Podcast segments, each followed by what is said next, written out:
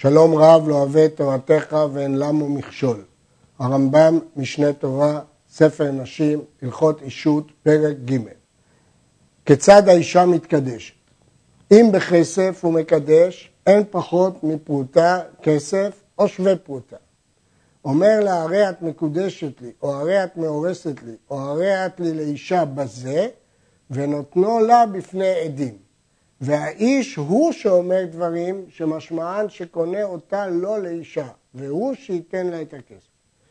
ובכן, הרמב"ם מסביר ראשית את קידושי כסף.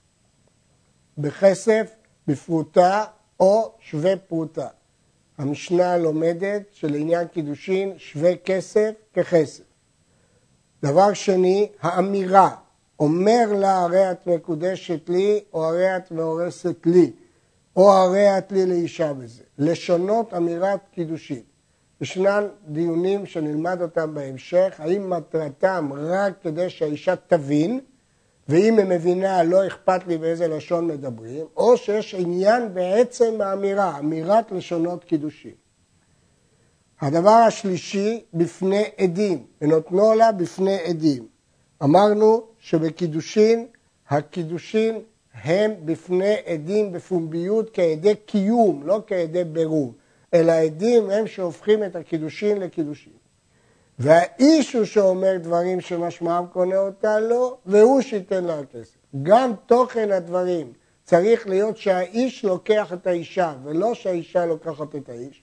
גם שהוא אומר ולא היא האומרת, וגם שהוא נותן את הכסף. הוא קונה אותה, ולא היא קונה אותו. מדוע? מפני שהאיש אוסר את האישה בקידושין על כל העולם. אבל האישה לא אוסרת את האיש בקידושין, שהרי הוא מותר בנשים אחרות. ב' נתנה היא ואמרה לא, הריני מקודשת לך, הריני מאוסרת לך, הריני לך לאישה ובכל לשון הקנאה אינה מקודשת. פה היא גם נתנה והיא גם אמרה, היא לא מקודשת.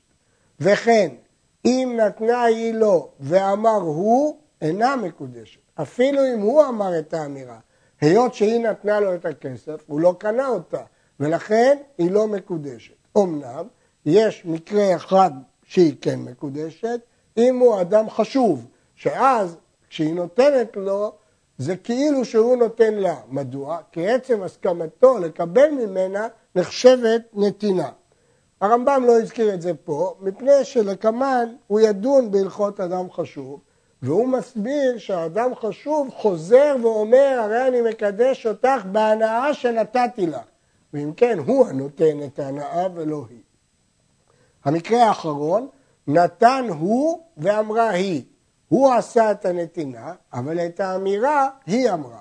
הרי זו מקודשת בספק. הגמרא, לשון הגמרא אצלנו, ספקה הוא וחיישינן מדרבנן. הרמב"ם לא הזכיר את המילה חיישינן מדרבנן, יש אומרים שזאת תוספת, וגרסת הרמב"ם הייתה ספקה הוא. הר"ן מסביר מדוע חיישינן מדרבנן בגלל החזקה. ישנם הסברים אחרים, אבל צריך לזכור שכל זה לא נוגע לרמב"ם, כי שיטת הרמב"ם בין כך שכל ספק דאורייתא הוא לחומרא רק מדרבנן. ולכן גם אם הספק פה הוא התורה, בפועל החשש הוא מדרבנן. ולכן הרמב"ם לא הזכיר את חיישינן מדרבנן. אבל מה שמסתבר ביותר, שהרמב"ם גרס בגמרא ספקאי. ג' ואם קידש בשטר, לא בכסף, כותב על הנייר או על החרס או על העלה ועל כל דבר שירצה, הרי את מקודשת לי, או הרי את מאורסת לי, וכל כיוצא בדברים אלו, ונותנו לה בפני עדים. כתוב במשנה שהאישה נקנית בכסף ובשטר. אם כן, אם הוא מקדש בשטר, הרי תוכן האמירה של הקידושין צריך להיות כתוב בתוך השטר. הרמב"ם כותב שאפשר לכתוב על נייר, חרס, עלה וכל דבר שירצה. הריבוי בכל דבר שירצה זה אפילו בדבר שיכול להזדייף, מכיוון ששיטת הרמב"ם שעדי מסירה קרטה. הרמב"ם לא הזכיר פה את העדים, האם מסירת השטר צריכה להיות בפני עדים או לא. הדבר תלוי אם עדי חתימה קרתה או עדי מסירה קרתה. אם עדי חתימה קרתא, יש עדי השטר. אבל אם עדי מסירה קרתא, צריכים עדים במסירת השטר. הרי את מקודשת לי היא לשון ברורה. וכל כיוצא בדברים אלו, ונותנו לה בפני עדים. ובכן דעת הרמב"ם, בשאלה שאמרנו קודם, שנתינת השטר צריכה להיות בפני עדים. ברור מכאן, כפי שלמדנו קודם, שהרמב"ם פוסק עדי מסירה קרתא, ולכן לפי הרמב"ם אי אפשר להסתפק בעדים שחתומים על השטר, ודורשים גם את עדי מסירת השטר. מה הדין אם העלה מחובר? הרמב"ם לא כתב שהעלה תלוש. הרבה פוסקים, פוסקים שמחובר פסול, כמו בגט, כי יש השוואה ויצאה והייתה בין גט לבין קידושין. אבל הרמב"ם לא אמר פה עלה תלוש. ייתכן שלאו דווקא, גם הרמב"ם מתכוון שעלה תלוש. וייתכן שהוא חילק בין קידושין לבין גירושין, בכל אופן הוא לא הזכיר. הלכה ד' אני רוצה להדגיש שאם השטר בעצמו שווה פרוטה, אז ייתכן שזה גם קידושי כסף. וצריך שיכתוב אותו לשם האישה המתקדשת, כגט, ואינו כותבו אלא מדעתה, כתבו שלא לשמה, או לשמה ושלא מדעתה, אף על פי שנתנו לה מדעתה בפני עדים, אינה מקודשת. לכן יש כאן חידוש שכתיבת השטר צריכה להיות לשמה. מדוע? היות שקידושי שטר נלמדים מגט ויצאה והייתה, ובגט יש דין וכתב לה לשמה, מכאן למדים שגם כתיבת שטר צריך להיות לשמה. מה הדין לשמה ושלא מדעתה? זאת מחלוקת המוראים בגמרא, ומחלוקת ראשונים כיצד לפסוק, והרמב"ם פוסק שאינה מקודשת.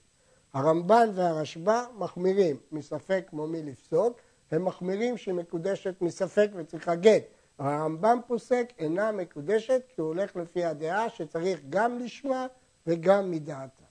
ה' hey, ואם קידש בביאה, שזאת הדרך השלישית שאפשר לקדש אישה, אומר לה הרי את מקודשת לי או הרי את מאורסת לי או הרי את לי לאישה בבעילה זו וכל כיוצא בה ומתייחד עימה בפני שני עדים ובועלה. אין צורך שהבעילה תהיה בפני שני עדים, אלא ייחוד בפני שני עדים. כי הן הן עדי ייחוד, הן הן עדי ביאה. עדי ייחוד הם עדי ביאה.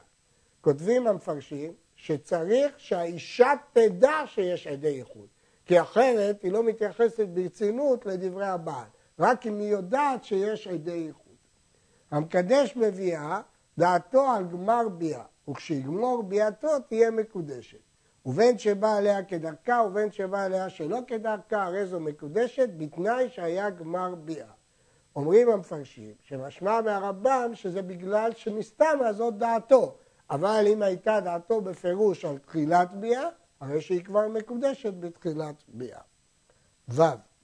הדברים שאומר האיש כשיקדש, צריך שיהיה עניינם, כלומר התוכן שלהם, שהוא קונה אישה, לא שיהיה עניינם שיקנה עצמו לה, כפי שכבר ביארנו, תוכן הקידושים שהוא קונה אותה. כיצד? הרי שאמר לה, הוא כתב לה בשטר שנתנו לה, הרי אני בעלך, הרי אני ארוסך, הרי אני אישך, וכל כיוצא בזה, אין כאן קידושים כלל. למרות שהלשונות הן לשונות קידושים, אבל לא משמע שהוא קונה אותה, אלא שהוא נקנה לה, אינה מקודשת. אמר לה או כתב לה, הרי את אשתי, הרי את ארוסתי, או הרי את קנויה לי, הרי את שלי, הרי את ברשותי, הרי את זקוקה לי, הרי את לקוחתי, הרי את חרופתי, וכל כיוצא בזה, הרי זו מקודשת. כל הלשונות האלה מפורשים בגמרא והם מוסכמים, חוץ מלשון אחת. הרי את חרופתי. בפשט הגמרא משמע שביהודה חרופתי מקודשת, שכן ביהודה קוראים לארוסה חרופה. וכך דעת חלק מהראשונים. אבל הרשב"א הסכים עם הרמב"ם שהוא לא רק ביהודה, אלא בכל העולם. כותב המגיד משנה, מדובר פה שהיא מכירה בלשון, והיא מבינה שזה ענייני קידושין, או שדיבר עימה על עסקי גיתה וקידושיה. זין, אמר לה או כתב לה, הרי את מיוחדת לי, הרי את מיועדת לי, הרי את עזרתי, הרי את נגדי, הרי את צלעתי, הרי את סגורתי, הרי את תחתי, הרי את אסורתי, הרי את תפוסתי, הרי זו מקודשת בספק. הגמרא מונה את כל הלשונות האלה ואומרת שהם דו-משמעיים. יש חלק מהם שבתורה מפורשים על נישואין, וייתכן גם לפרש אותם לשון עבודה, לשון שפחה, לשונות אחרים, ולכן היא מקודשת בספק. והוא שיהיה מדבר עם התחילה על עסקי קידושין. לכאורה קשה. אם הוא דיבר איתה על עסקי קידושין, אז אפילו שהוא שתק ולא אמר כלום היא מקודשת. נכון, אם הוא היה שותק, הייתה מקודשת. אבל הלשונות האלה מקלקלים, כי ייתכן שהוא התכוון למלאכה ולא לאישות. ולכן, בלי לדבר על עסקי גיטה וקידושי, הלשונות האלה הם כלל לא לשונות קידושין. אם הוא מדבר עמה על עסקי גיטה וקידושיה, הלשונות האלה ספק. האם הם חיזקו את לשונות הקידושים או קלקלו את לשונות הקידושים, ולכן היא ספק מקודשת. ח. יש לאדם לקדש האישה בכל לשון שהיא מכרת בו, ויהיה משמע הדברים באותה לשון שכנעה כמו שביארנו. אין חובה להשתמש דווקא בלשונות עברית, לשון הקודש. אפשר להשתמש בכל לשון בתנאי שהיא מבינה. בתנאי שהיא מבינה במה מדובר, ובתנאי שמשמעות הלשונות האלה שהיא אה, הבינה שזה לצורך קידושין, אבל לא רק לצורך קידושין, אלא שהוא קונה אותה.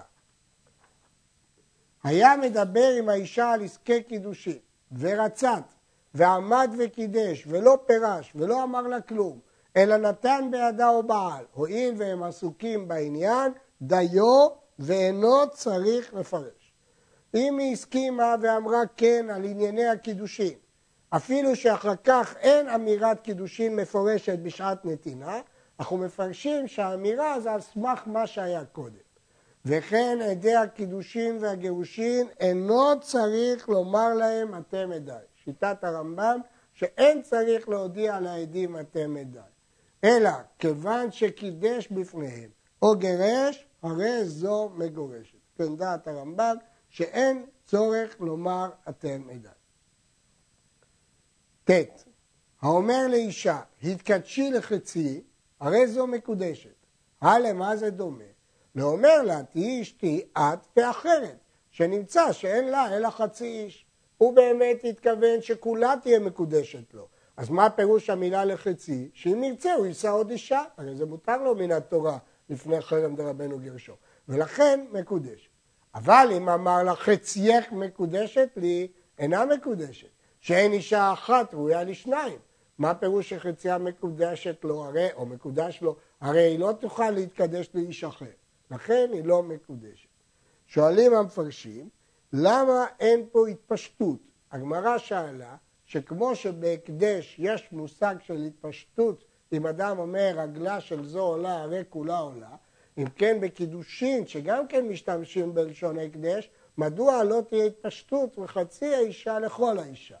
הגמרא משיבה שהתפשטות היא רק בחפץ או בבהמה, אבל אישה שיש לה דעת לא שייך התפשטות, לא שייך שקידושין יתפשטו. ממשיך הרמב"ם, וכן האומר הרי את מקודשת לי ולזה אינה מקודשת. מדוע? מכיוון שאישה לא ראויה לשניים. אמר לה הרי חצייך מקודש לי בפרוטה וחצייך בפרוטה או שאמר לה, הרי חצייך מקודש לי בחצי פרוטה, וחצייך האחר בחצי פרוטה, הרי זו מקודשת. זאת בעיה בגמרא, אבל הבעיות נאמרו בצורה של אם תמצא לומר, בשיטת הרמב"ם כשיטת הגאונים, שתמיד פוסקים כי אם תמצא לומר.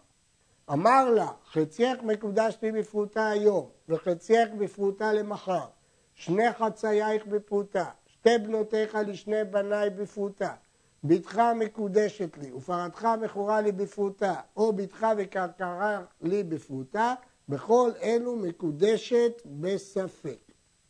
נסביר את הדברים. ברור שאדם לא יכול לקדש חצי אישה, אבל כאן הוא קידש את כל האישה, אלא בשתי פעולות, חצי בפרוטה וחצי בפרוטה. או חצי וחצי פרוטה וחצי וחצי פרוטה.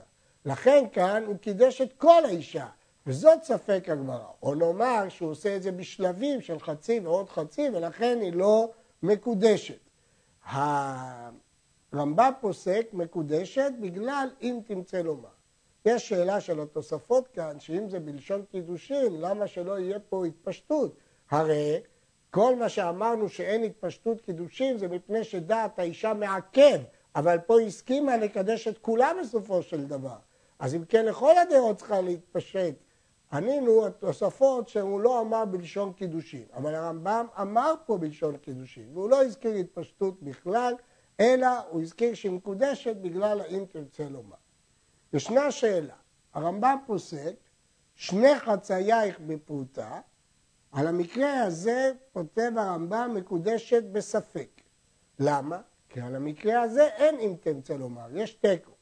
שואלים כל המפרשים, הרי המקרה הזה של שני חצאייך בפרוטה, אם במקרה הזה זה ספק, למרות שהוא אמר בפירוש שני חצאייך, אז אם כן, כל שכן כשהוא אמר חצייך וחצייך, אם אפילו בשני חצאייך אמרנו שהיא מקודשת בספק, אז איך יעלה על דעת שאם הוא אומר חצי, חצי ועוד חצי שהיא מקודשת בוודאי? מסבירים המפרשים שבכל זאת יש הבדל. למה? כשהוא אומר אה, חצייך וחצייך, הוא כמו מונה והולך, חצי ועוד חצי, ביחד זה שלם. כשהוא אומר שני חצאייך, הוא לא מונה, הוא אומר בפירוש, אני רוצה שהיא תתקדש לחצאים. אי אפשר לקדש אישה לחצאים. לכן פה היא מקודשת בספק, ואילו במונה והולך היא מקודשת בוודאי. מה הביא את הרמב"ם לסברה הזאת? הכלל של הגאונים, שכל מקום שיש אם תרצה לומר, פוסקים כמו אם תרצה לומר. נסביר את הבעיות האחרונות. שני חצאייך בפרוטה הסברנו כרגע. שתי בנותיך לשני בניי בפרוטה. יש לשאול, הרי האישה לא קיבלה פרוטה, מדוע זה ספק קידושין? התשובה היא, כי היה קניין אחד, ומה שצריך פרוטה זה לצורך הקניין, וכיוון שהיה קניין משותף בשתי בנותיך לשני בניי, כמובן שמדובר שהם עשו אותו שליח, כי אדם לא יכול לקדש את בניו. עשו אותו שליח, ואז האבא של שתי הבנות מקדש אותם בפרוטה אחת, כי זה מעשה קניין אחד. או, נאמר לא, מה אכפת לי שמעשה קניין אחד? הרי כל בת מתקדשת וכל אחת צריכה לקבל פרוטה, לכן זה ספק. אותו דבר, בתך ופרתך, בתך וקרקעך, כל המקרים האלה, אותה בעיה. האם פרוטה מספיקה לקניין אחד, או כיוון שאלה שני מעשים, לא מספיק פרוטה אחת. י"א האב מקדש את ביתו שלא לדעתו כל זמן שהיא קטנה. הגדרנו בפרק הקודם שקטנה היא עד בת י"ב ויום אחד, או אם עדיין לא הביאה שערות, כפי שדיברנו בפרק הקודם. וכשהיא נערה, רשותה בידו. שנאמר את ביתי נתתי לאיש הזה, וקידושיה לאביה. נשים לב היטב להבדל הלשונות ברמב"ם. לגבי קטנה, כותב הרמב"ם, האב מקדש את ביתו שלא לדעתה כל זמן שהיא קטנה. הוא המקדש. הדעת שלו היא הקובעת. לגבי נערה, הוא כותב, וכשהיא נערה, רשותה בידו. פה ההגדרה היא קצת אחרת, שכאילו הוא אפוטרופוס עליה. הוא, רש... היא לא קטנה, יש לה דעת, אבל רשותה בידו, וקידושיה לאביה. הקידושים הולכים לאביה. וכן הוא זכאי במציאתה ובמעשה ידיה ובכתובתה, אם היא מוצאת מציאה או מקבלת משכורת, או כתובה אם נתגרשה או נתאלמנה מן האירוסין, הוא זכאי בכל עד שתבגור. הגמרא לומדת בנעוריה בית אביה, כל שבח נעורים לאביה. עד שלא תביא סימני בגרות, אותם שישה חודשים שדיברנו בפרק הקודם, הרי האבא זכאי. נשים לב, הוא זכאי בכתובתה רק מן האירוסין. אבל אם היא התחתנה, הוא לא זכאי בכתובתה. אגב, דעת הרמב"ם שכתובה מהאירוסין זה רק אם כתבו בפירוש, לא מסתם. לפיכך, מקבל האב קידושי ביתו מיום שתיוולד עד שתבגור. אם היא קטנה, זה כי הוא המקדש אותה. ואם היא נערה, כי היא ברשותו. ואפילו הייתה חירשת או שותה וקידשה אב, הרי אשת איש גמורה. מדוע? כי לא צריך את דעתה. דעת האב היא הקובעת, אז מה אכפת לי שהיא חירשת או שותה? ואם הייתה בת שלוש שנים ויום אחד, מתקדשת בביאה מדעת אביה. פחות מכאן, אם קידשה אביה בביאה, אינה מקודשת. מצד עצם הקידושין, אפשר מיום שתיוולד לקדש אותה. אבל בכסף או בשטר, אבל בביאה, הגמרא אומרת שביאה פחות משלוש שנים זה כנותן אצבע בעין, זה שום דבר, ולכן בביאה אי אפשר להתקדש פחות משלוש שנים ויום אחד. בגרה הבת, אין לאביה ברשות, והרי כשאר כל הנשים שאינה מתקדשת אלא לדעתה. וכן אם נשיאה אביה ונתאלמנה או נתגרשה בחיי אביה, הרי היא ברשות עצמה, ואף על פי שעדיין היא קטנה. כיוון שנישאת, אין לאביה ברשות לעולם. אם כן, ברגע שהיא בוגרת, היא עצמאית, או אם היא קטנה ונתאלמנה או נתגרשה, היא כיתומה בחיי האב, אין לאביה רשות. נתקדשה קודם שתבגור, שלא לדעת אביה, אינה מקודשת, כפי שאמרנו, שדעת אביה היה קובעת. אפילו נתרצה האב אחר שנתקדשה, למרות שאחר כך האבא אמר אני מסכים. ואפילו נתאלמנה או נתגרשה מאותם הקידושין אינה אסורה על הכהן, כי כל הקידושים האלה הם כלום, אין להם שם קידושין. ובין היא ובין אביה יכולים לעכב. יש כאן קושי. מה פירוש בין היא, בין אביה יכולים לעכב? בין שנתקדשה בפניו ובין שנתקדשה שלא בפניו אינה מקודשת. מה פירוש אביה יכול לעכב, כפי שלמדנו, שנתקדשה שלא לדעת אביה אינה מקודשת. אבל מה הם דברי הרמב"ם שאומר שהיא יכולה לעכב? מה פירוש שהיא יכולה לעכב? הרי אפילו נתרצה האב אחר כך אינה מקודשת. אז מה פירוש שהיא יכולה לעכב? זה לא מובן אה, בכלל. הרי לכאורה היינו אומרים שזה אם נתרצה, אבל זה לא יעזור. יש כאן פירושים שונים, מעריק התקשה בזה, כסף משנה מציע פירוש, אבל למילואים מציע פירוש, שמה פירוש יכולה לעכב.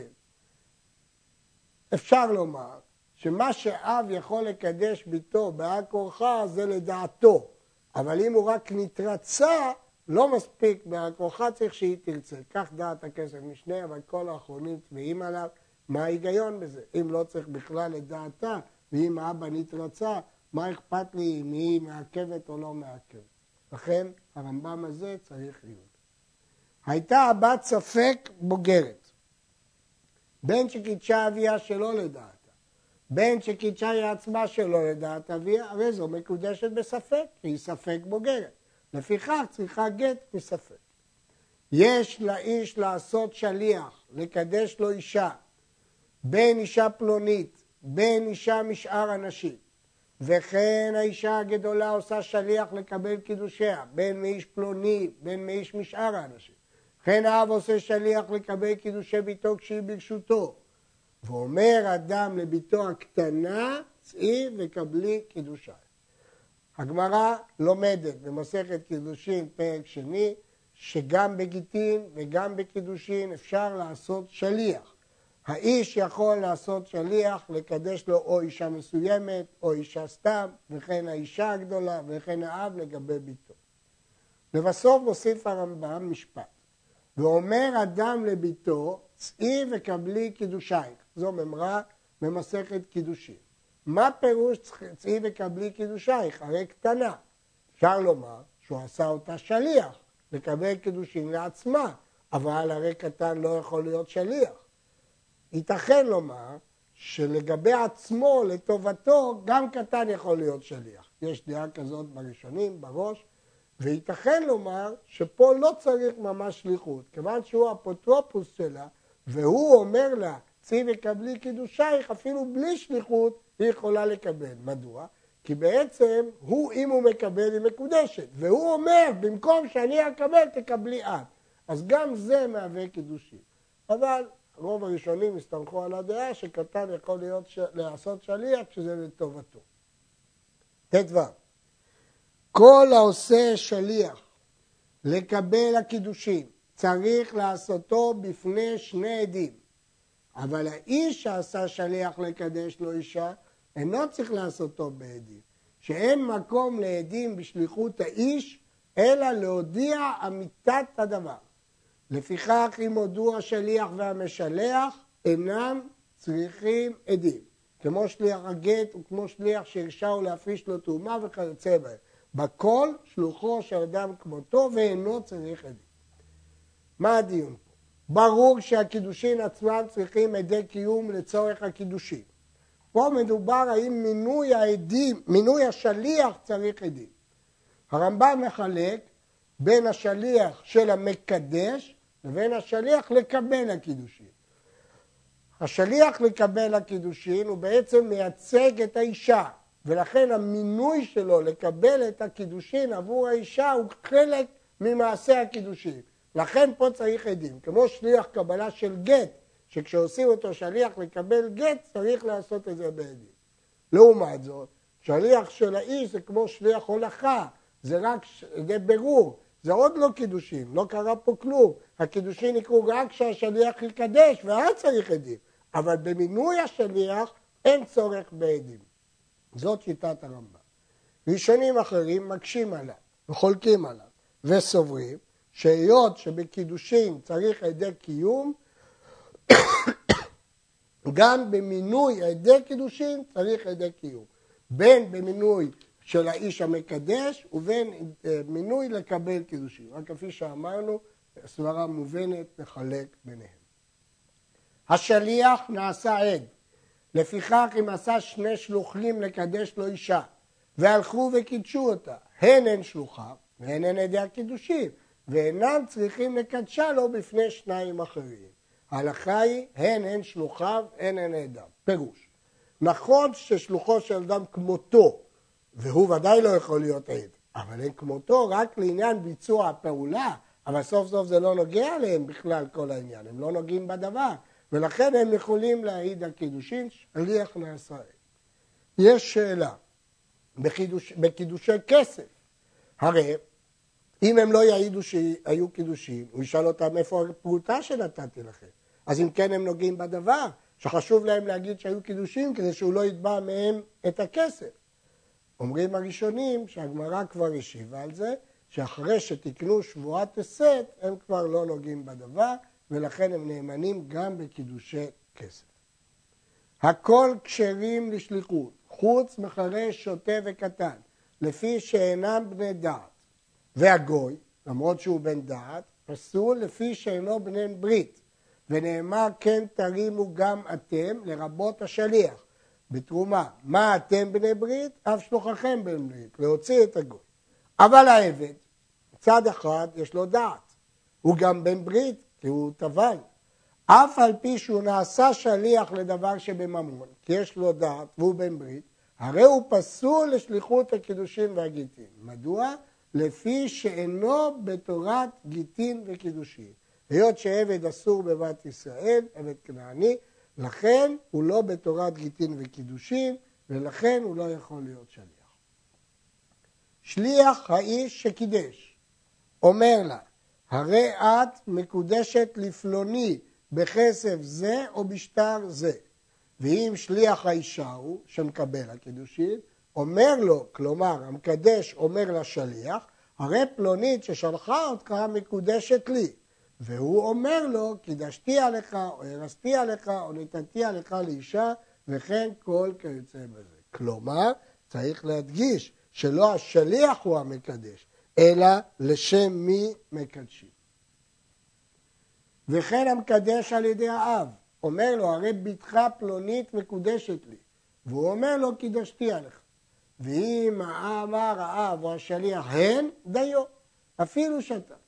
ואם היו עסוקים בעניין ונתן לאב או לשליח ולא פירש ולא אמר דבר, דיו, כי כבר למדנו שעסוקים באותו עניין נחשב כאילו אמירה. הרמב"ם לא טיפל בשאלה של מעניין לעניין באותו עניין. האם זה נקרא עסוקים באותו עניין או לא, הרמב"ם לא הזכיר. ואם קידש בשטר, אינו כותבו אלא מדעת האב או מדעת השליח. כלומר, השטר צריך להיכתב, אמרנו, מדעתה, אבל פה האב מייצג את דעתה. לכן צריך את דעת האב או את דעת השליח. וכן בכל הדברים כולם של קידושין. כדין האיש עם האישה, כך דין שליח עם שליח או עם האב. הרמב"ן חולק על הדברים של דעת השליח, ואומר, במקום שצריך את דעתה, לא מועיל דעת השליח. דעת האב מועיל, כי בעצם הוא דעתה, אבל דעת השליח לא מועיל. מצווה שיקדש אדם אשתו בעצמו, יותר מעל יתר שלוחו. יש לנו כלל, מצווה בו יותר מבשלוחו. וכן מצווה על האישה שתקדש עצמה בידה יותר מעל ידי שלוחה. ואף על פי שיש רשות לאב לקדש ביתו כשהיא קטנה וכשהיא נערה לכל מי שירצה, אין ראוי לעשות כן. אלא מצוות חכמים שלא יקדש הטעם את ביתו כשהיא קטנה, עד שתגדיל ותאמר בפלוני אני רוצה.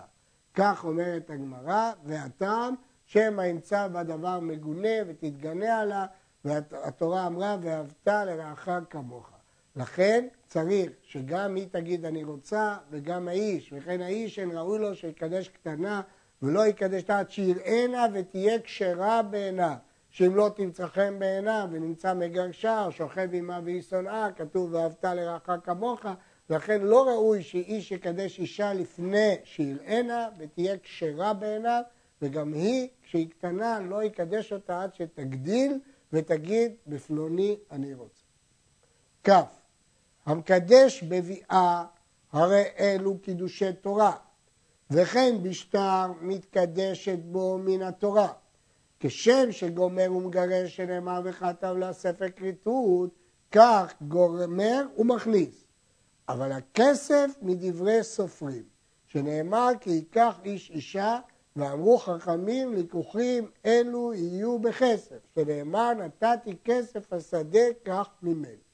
הרמב"ם בספר המצוות, הרמב"ם בתשובה והרמב"ם בגרסה הזאת סוברים שביאה ושטר הם מהתורה, אבל כסף מדברי סופרים. לפי השורש השני ברמב"ם בספר המצוות, שכל דבר שנלמד מי"ג מידות שהתורה נדרשת, יכול להיות דברי תורה ויכול להיות דברי סופרים, ואם לא כתוב בפירוש שהוא דברי תורה, הוא דברי סופרים. ולכן אנחנו מתייחסים לכסף כדברי סופרים. רבים התקשו מאוד בדברי הרמב"ם הללו. הראב"ד מגדיר פרצה גדולה ופירוש משובש. מדוע? מכיוון שאיך ייתכן לומר שקידושי כסף מדרבנן, מדברי סופרים, והרי כל מי שבא עליה חייב מיתה וכדומה. רבים ניסו לפרש את דברי הרמב"ם שקידושי כסף מדברי סופרים, הכוונה מן התורה, אלא שלא מפורש בתורה. אלה שהבינו שקידושי כסף זה דרבנן, צריך לומר שהכוונה קידושי כסף דרבנן, אבל אחרי שחכמים תיקנו שכסף נקרא קניין, סוף סוף היא קנויה מהתורה, למרות שכסף הוא מדרבנן, אבל בפועל היא קנויה מהתורה ולכן דינה מקודשת מהתורה. הכסף משנה מביא נוסחה אחרת, הגעה, שכתובה כך, וכן דין הכסף דין תורה ופירושו מדברי סופרים. זה כנראה תיקון שעשה הרמב"ם כפי שמעיד רבי אברהם. והנה יש לשאול, נכון שביאה היא מהתורה כי כתוב כי ייקח איש אישה ובעלה, אבל כמו שהרמב"ם אומר שקידושי כסף ומדברי סופרים כי זה נלמד ככה ככה משדה עפרון, הרי גם שטר נלמד מהיקש ויצאה והייתה. ואם כן, מדוע לכסף קורא הרמב"ם דברי סופרים, ואילו לשטר הוא קורא דברי תורה? את השאלה הזאת שואל הרמב"ם על עצמו, ומשיב עליה. נכון, כך הייתי אומר, וכך היה ראוי לומר, אילולא, שיש פרשה מפורשת בתורה, נערה מאורסה בתולה, כלומר, יש מקודשת שהיא בתולה. הכיצד? סימן שיש עוד קידושין חוץ מביאה מהתורה. ואם כן, ייתכן שהם קידושי כסף, ייתכן שהם קידושי שטר. עדיף להגיד שטר כי הוא גומר ומוציא, גומר ומכניס. ולכן קידושי שטר, הרמב"ם כתב שהם מהתורה, וקידושי כסף מדברי סופרים. הרמב"ן מתווכח מאוד על זה מסוגיית הגמרא. אף על פי שעיקר הדברים כן הוא שלכאורה שטר וביאה הם מהתורה, נהגו כל ישראל לקדש בכסף או בשווה כסף. וכן אם רצה לקדש בשטר, מקדש. אבל אין מקדשים בביאה לכתחילה, ואם קידש בביאה, מקין אותו מכת מרדות, כדי שלא יהיו ישראל פרוצים בדבר זה, אף על פי שקידושיו קידושים גמורים. יש לזכור שבכל מקרה, איך שנפרש את הרמב"ם, ברור שהתוצאה של קידושי כסף, שטר וביאה, שהיא מקודשת גמורה מהתורה וצריכה גט, והבא עליה חייב מיתה. אם כן, בכל זאת, המנהג שנהגו הוא לקדש בכסף, ואם רצה, בשטר. אבל בביאה לא מקדשים כדי שישראל לא יהיו פרוצים וחייבים מכת מרדות. וכן המקדש בלא שידוך, בלא הסכמה מוקדמת, או המקדש בשוק, אף על פי שקידושיו קידושים גמורים, מכין אותו מכת מרדות, כדי שלא יהיה דבר זה הרגל לזנות, וידמה לקדשה שהייתה קודם מתן תורה. למדנו בתחילת הלכות אישות, הלכה א', שקודם מתן תורה היה אדם פוגע אישה בשוק, נותן לה שכרה ובא עליה, והתורה ביטלה את זה. התורה דרשה מנהג מסודר, מוסכם, ולכן המקדש בשוק או בלא שידוכים, מכים אותו מכת מרדות. כל המקדש אישה בין על ידי עצמו בין על ידי שליח.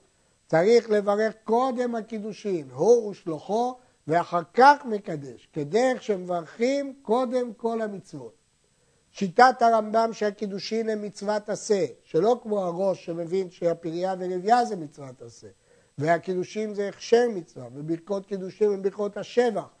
הרמב"ם מבין שברכות הקידושים הן ברכת המצוות, כי זאת מצווה לישא אישה בכתובה וקידושין. כיוון שזה ברכת המצוות, כל המצוות מברכים עליהם עובר לעשייתם, קודם לעשייתם. ולכן או הוא או שלוחו צריך לברך לפני הקידושין. ואם קידש ולא ברך, לא יברך אחר הקידושין, שזו ברכה לבטלה, מה שנעשה כבר נעשה. הראב"ד חולק ואומר שהמנהג היה אצלם לברך אחרי הקידושין. מדוע? שמא היא לא תתרצה ואז תהיה ברכה לבטלה. נשים לב שהרמב"ם כותב שהמקדש הוא המברך. המנהג היום בהרבה מקומות שאחר ולא המקדש מברך ויש אחרונים שכתבו שכך ראוי לעשות. אבל לפי הרמב"ם המקדש הוא המברך. כיצד מברך? ברוך אתה השם אלוקינו מלך העולם, אשר קידשנו במצוותיו, והבדילנו מן האריות, ואסר לנו את הארוסות, והתיר לנו את הנשואות על ידי חופה וקידושין, ברוך אתה השם מקדש ישראל.